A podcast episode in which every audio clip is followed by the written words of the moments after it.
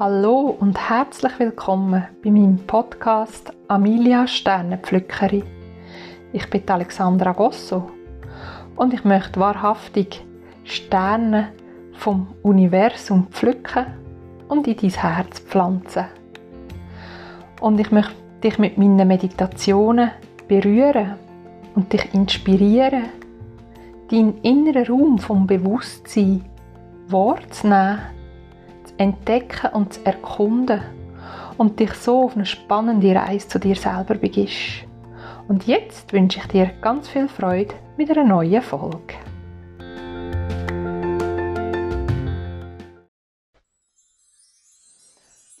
Heute möchte ich mit dir eine Meditation teilen, um dich auf die Sommerferien, auf die Sommerzeit einzustellen und dich mit der wunderbaren, lichtvollen Energie vom Sommer verbinden. Und ich möchte dir auch gerne ans Herz legen, gerade vielleicht, wenn du Mami bist, dir ganz bewusst in der Sommerferienzeit auch Auszeiten für dich alleine zu nehmen und dir selber ein bisschen Ferien zu gönnen. Dir und deiner Seele eine Pause gönnen wo du einfach nur du darfst sein. Und jetzt wünsche ich dir ganz viel Freude mit dieser Meditation. Setz dich bequem her oder leg, äh, lieg hin. Und wenn du sitzt, versuchst deine Wirbelsäule aufrecht zu halten und du kannst deine Schultern einmal zu den Ohren aufziehen und nach hinten rollen, dass sich dein Brustkorb und dein Herzraum öffnen. Und vielleicht kannst du dir auch vorstellen, wie ein unsichtbarer Faden oben an deinem Kopf dich aufrecht haltet und stützt und du so einen wunderbaren aufrechten Sitz kannst einhalten für die nächste Viertelstunde.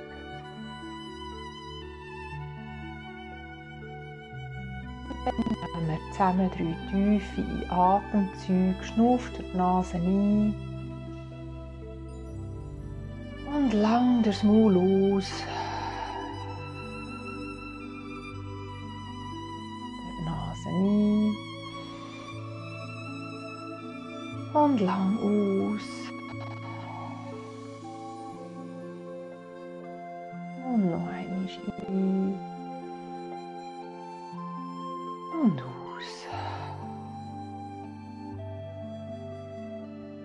Und jetzt lässt deinen Atem natürlich fließen.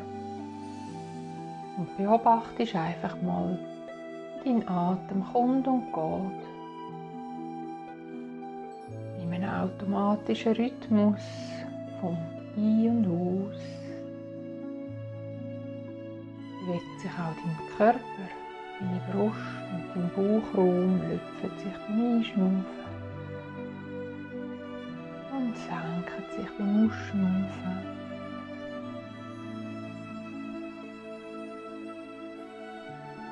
Verbind dich ganz bewusst mit deinem Atem.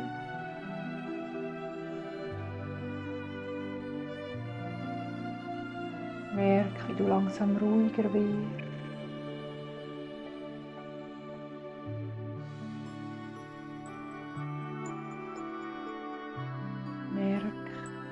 Du deine Aufmerksamkeit von außen nach innen kannst wenden. Und du jetzt dir ganz bewusst Zeit für dich selber nimmst.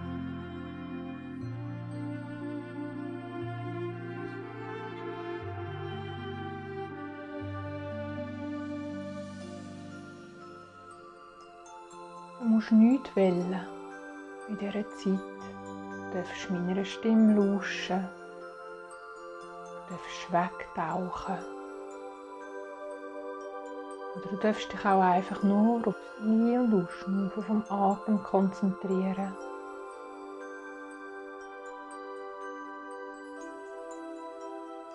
Und so dich immer mehr und mehr entspannen.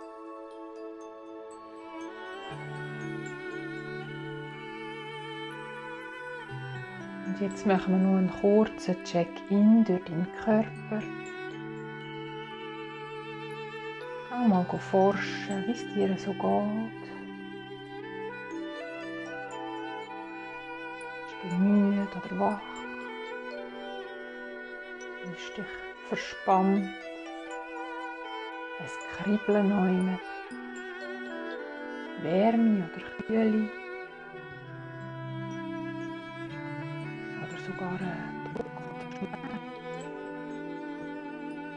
Ja, kurz durch deinen Körper durch. Und halt an dieser Stelle, die am meisten hinzieht, kurz inne und schnuff zwei, drei Mal bewusst dorthin ein- und aus. Und schick so dem Bereich von deinem Körper eine extra Portion Energie und Aufmerksamkeit.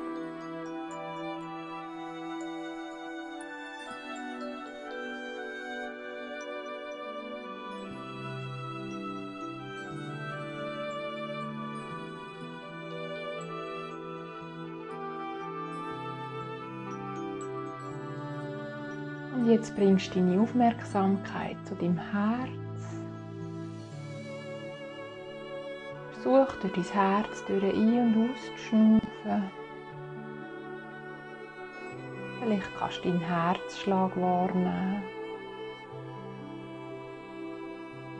Vielleicht spürst du auch eine angenehme Wärme oder ein wohliges Gefühl in deinem Herzraum.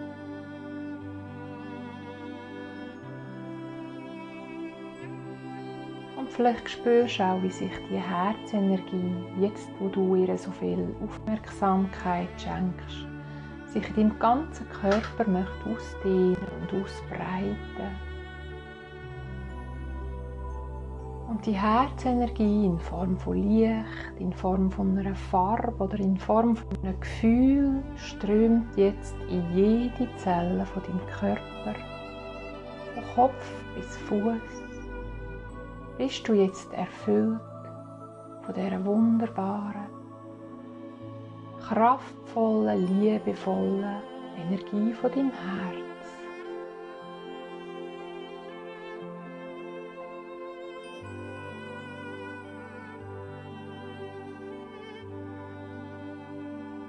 Und vielleicht kannst du die Herzenergie jetzt auch noch über deinen Körper ausstrahlen Vielleicht fühlst du dich jetzt wie umhüllt von einem Schutzmantel oder wie in einer Seifenblase innen, beschützt geborgen und bereit für eine wunderbare Reise zu dir selber.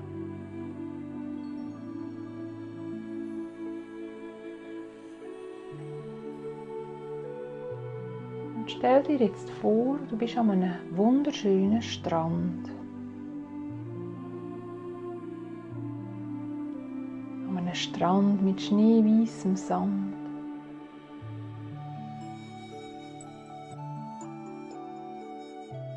Du siehst das kristallklare, blaue, türkisfarbene Meer.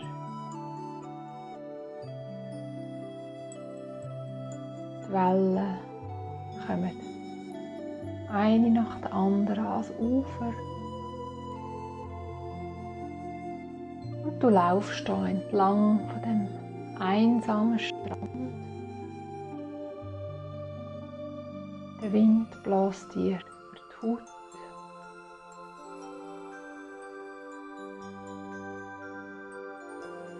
Und du laufst barfuß über den Sand, wo angenehm warm ist.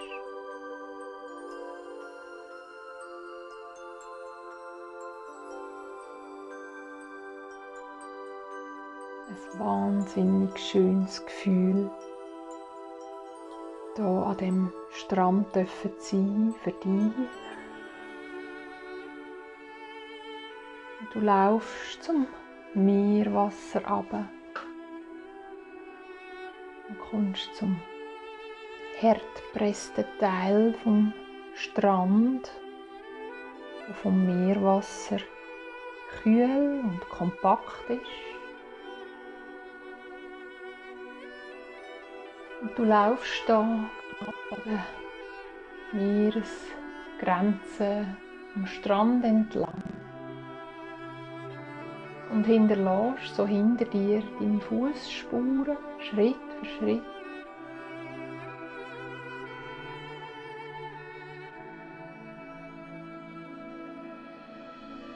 Manchmal umspült das Wasser deine Füße.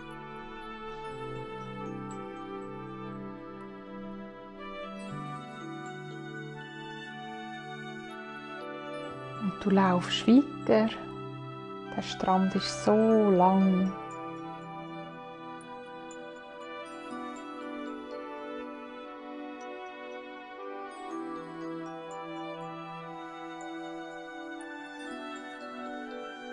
Und weiter vorne hat es ein paar Palmen, nicht am Ufer.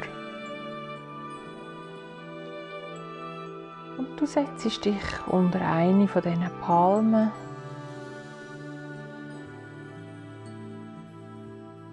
lehnst am Stamm der Palme an und blickst aufs Meer raus.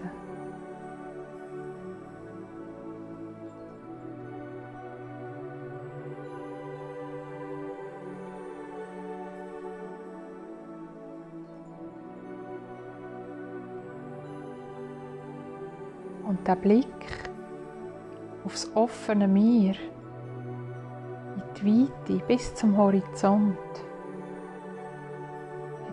magische Entspannung auf dich. Du kannst so richtig eintauchen und abschalten.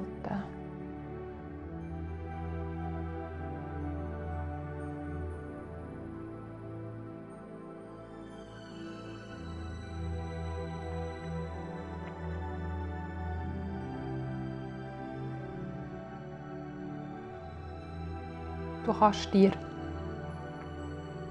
deine Gedanken, die gerade kommen oder Sachen, die dich im Moment beschäftigen, kannst du dir vorstellen, dass du auf kleinen weißen Papierschiffchen aufs Meer rauslassen schwimmen lassen. Und wie die Gedanken so von dir weggetragen werden dann irgendein in den Weiten vom Meer verschwindet.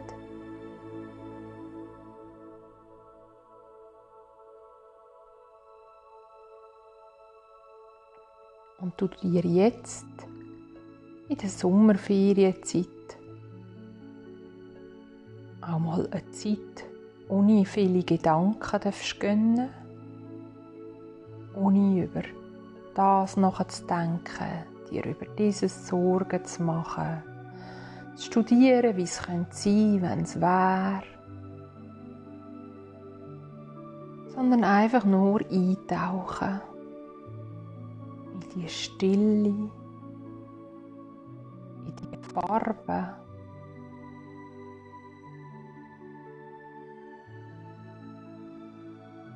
die Schönheit der Natur.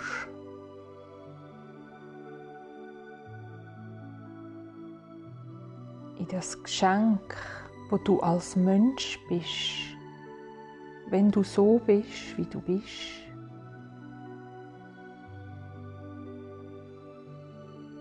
Auch mal dürfen eine Pause machen.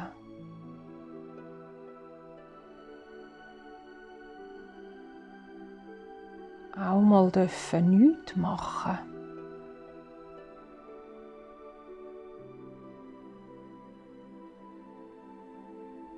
Auf einmal beobachtest du. Weit draussen im Meer. Ein paar Delfine, die fröhlich heiter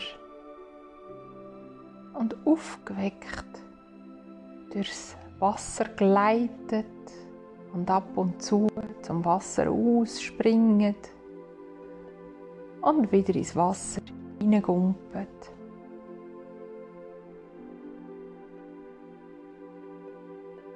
Ein wunderschönes Gefühl, die Delfine so zu beobachten. Wie sie frei sind, wie sie so unbeschwert sind und wie sie so eins sind mit der Natur, mit dem Element Wasser.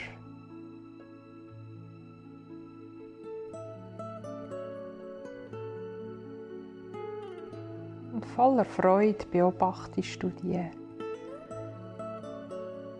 schönen Delfine und siehst, dass einer immer näher in deine Richtung schwimmt und immer näher ans Ufer kommt. Und du bist fasziniert von dem Tier, wo versucht in Kontakt zu kommen mit dir. Und du gehst zum Wasser führen und gehst ins Wasser rein, wo ganz angenehm deine Haut umspült Der Delfin schaut dich ganz liebevoll und vertraut und mit einem schelmischen Lächeln an. Als wird er dir sagen, du musst keine Angst haben vor mir. Ich möchte dir ein kleines Geschenk machen. Ich möchte dich mitnehmen auf einen kleinen, abenteuerlichen Ausflug über die Wellen Und wenn du bereit bist, mit mir ein bisschen übers Meer zu gleiten, dann komm zu mir und heb dich an meiner Rückenflosse fest.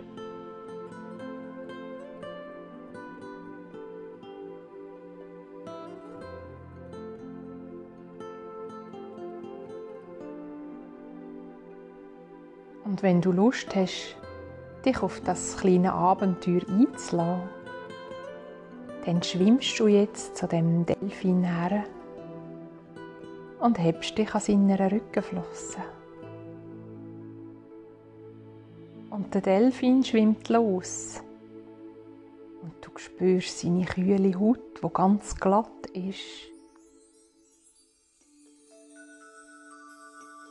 Und du spürst ein Kribbeln in deinem Körper vor Aufregung,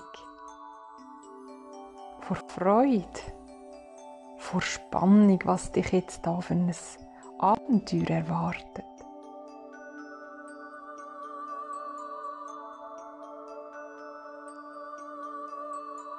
Als würdest du surfen, gleite dir jetzt übers Meer hinein. Immer schneller und immer schneller sausen dir über das Meer hinein.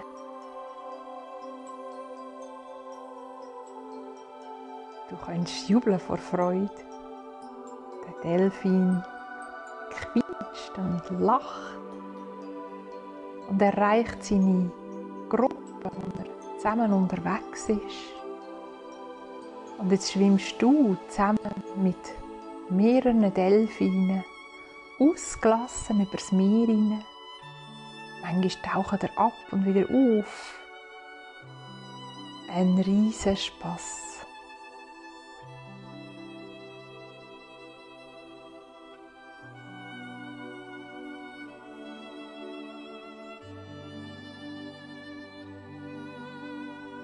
Einfach alles hinter dir lassen. Und nur den Moment genießen. Das ist das Geschenk, das dir der Delfin jetzt gerade macht.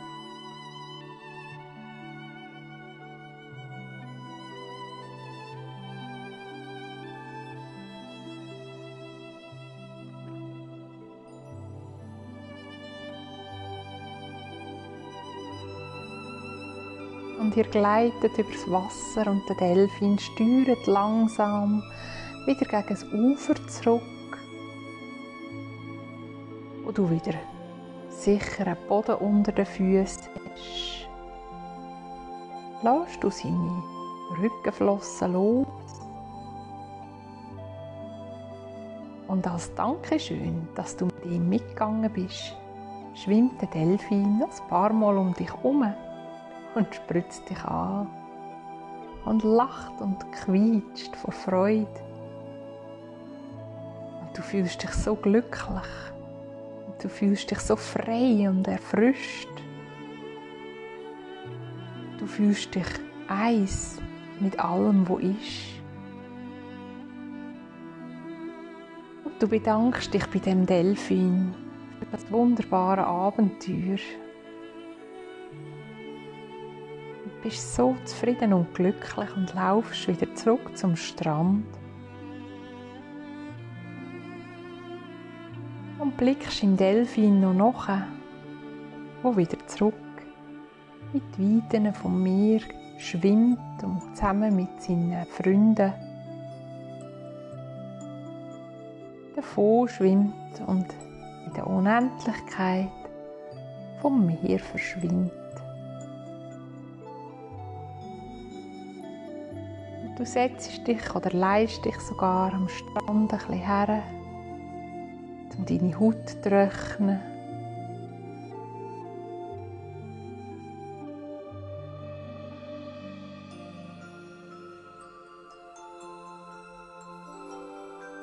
Du fühlst dich so unbeschwert, zufrieden und glücklich.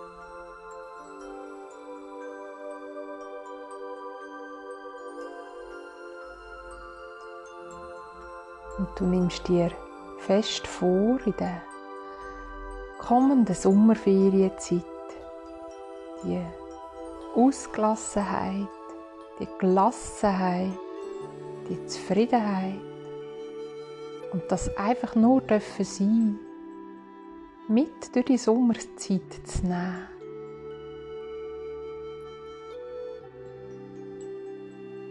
Und so viel wie möglich zu genießen. Zeit für dich zu haben. Zeit für deine Liebsten zu haben. Zeit haben, um deine Seele baumeln zu lassen.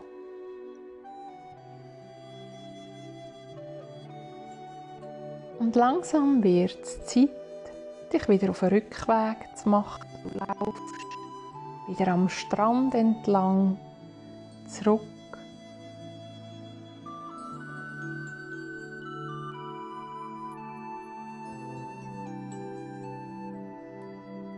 Kommst dann langsam wieder zurück in den Raum, wo du dich gerade befindest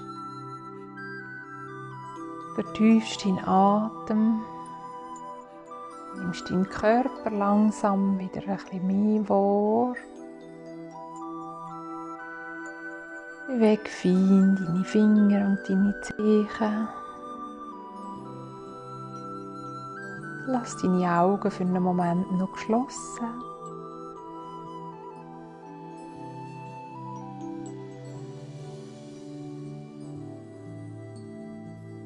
Bring dann deine Hände in Gebetshaltung vor deinem Herz zusammen und verbüg dich vor dir selber. Verbüg dich vor deiner Einzigartigkeit. Verbüg dich vor dem Wunder, wo du bist und das Geschenk, wo du bist für die Welt. Du bist unendlich wichtig und du bist unendlich wertvoll. Und bedanke dich bei dir selber, dass du dir heute die Zeit genommen hast, in dich hineinzulassen und dich so auf einen spannenden Weg dir selber begeben hast.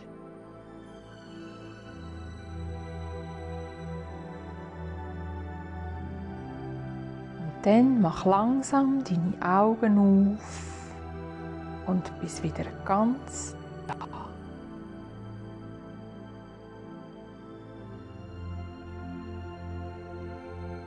Ja, ich hoffe, dir hat die Reise als mir gefallen. Für viele von uns ist ja wahrscheinlich das Meer diesen Sommer zu bereisen nicht so ein Thema, weil wir lieber ein bisschen in der Nähe auf Reise geht, in die Ferien geht.